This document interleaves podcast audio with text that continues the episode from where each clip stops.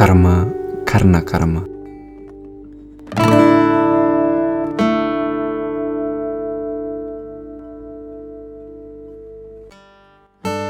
Kamu tau nggak kenapa aku selalu ngelakuin banyak hal untukmu yang percuma bagiku?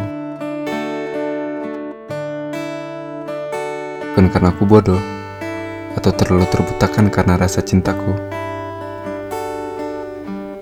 Namun, aku sudah tak mau lagi jadi pemeran antagonis dalam suatu hubungan asmara. Memang sih, peran itu bagus buat reputasiku sebagai pria egois. Namun, itu tidak baik untuk perasaanku. Mengapa? Karena yang sekarang kamu lakukan padaku, aku pernah melakukannya pada orang lain. Bahkan rasa sakit yang aku dapatkan bisa dibilang lebih dari apa yang aku lakukan padamu.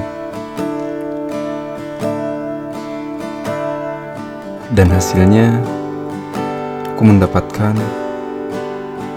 karma karena karma. Hah?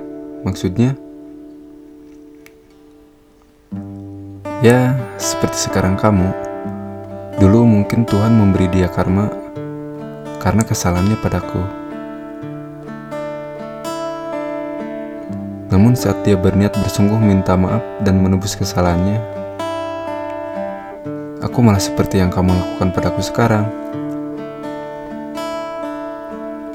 Tapi maksudku sekarang, terus melakukan hal percuma seperti dia dulu, dan terus mendapat penolakan darimu, bukan nantinya agar kamu juga merasakan karma yang sekarang aku rasakan.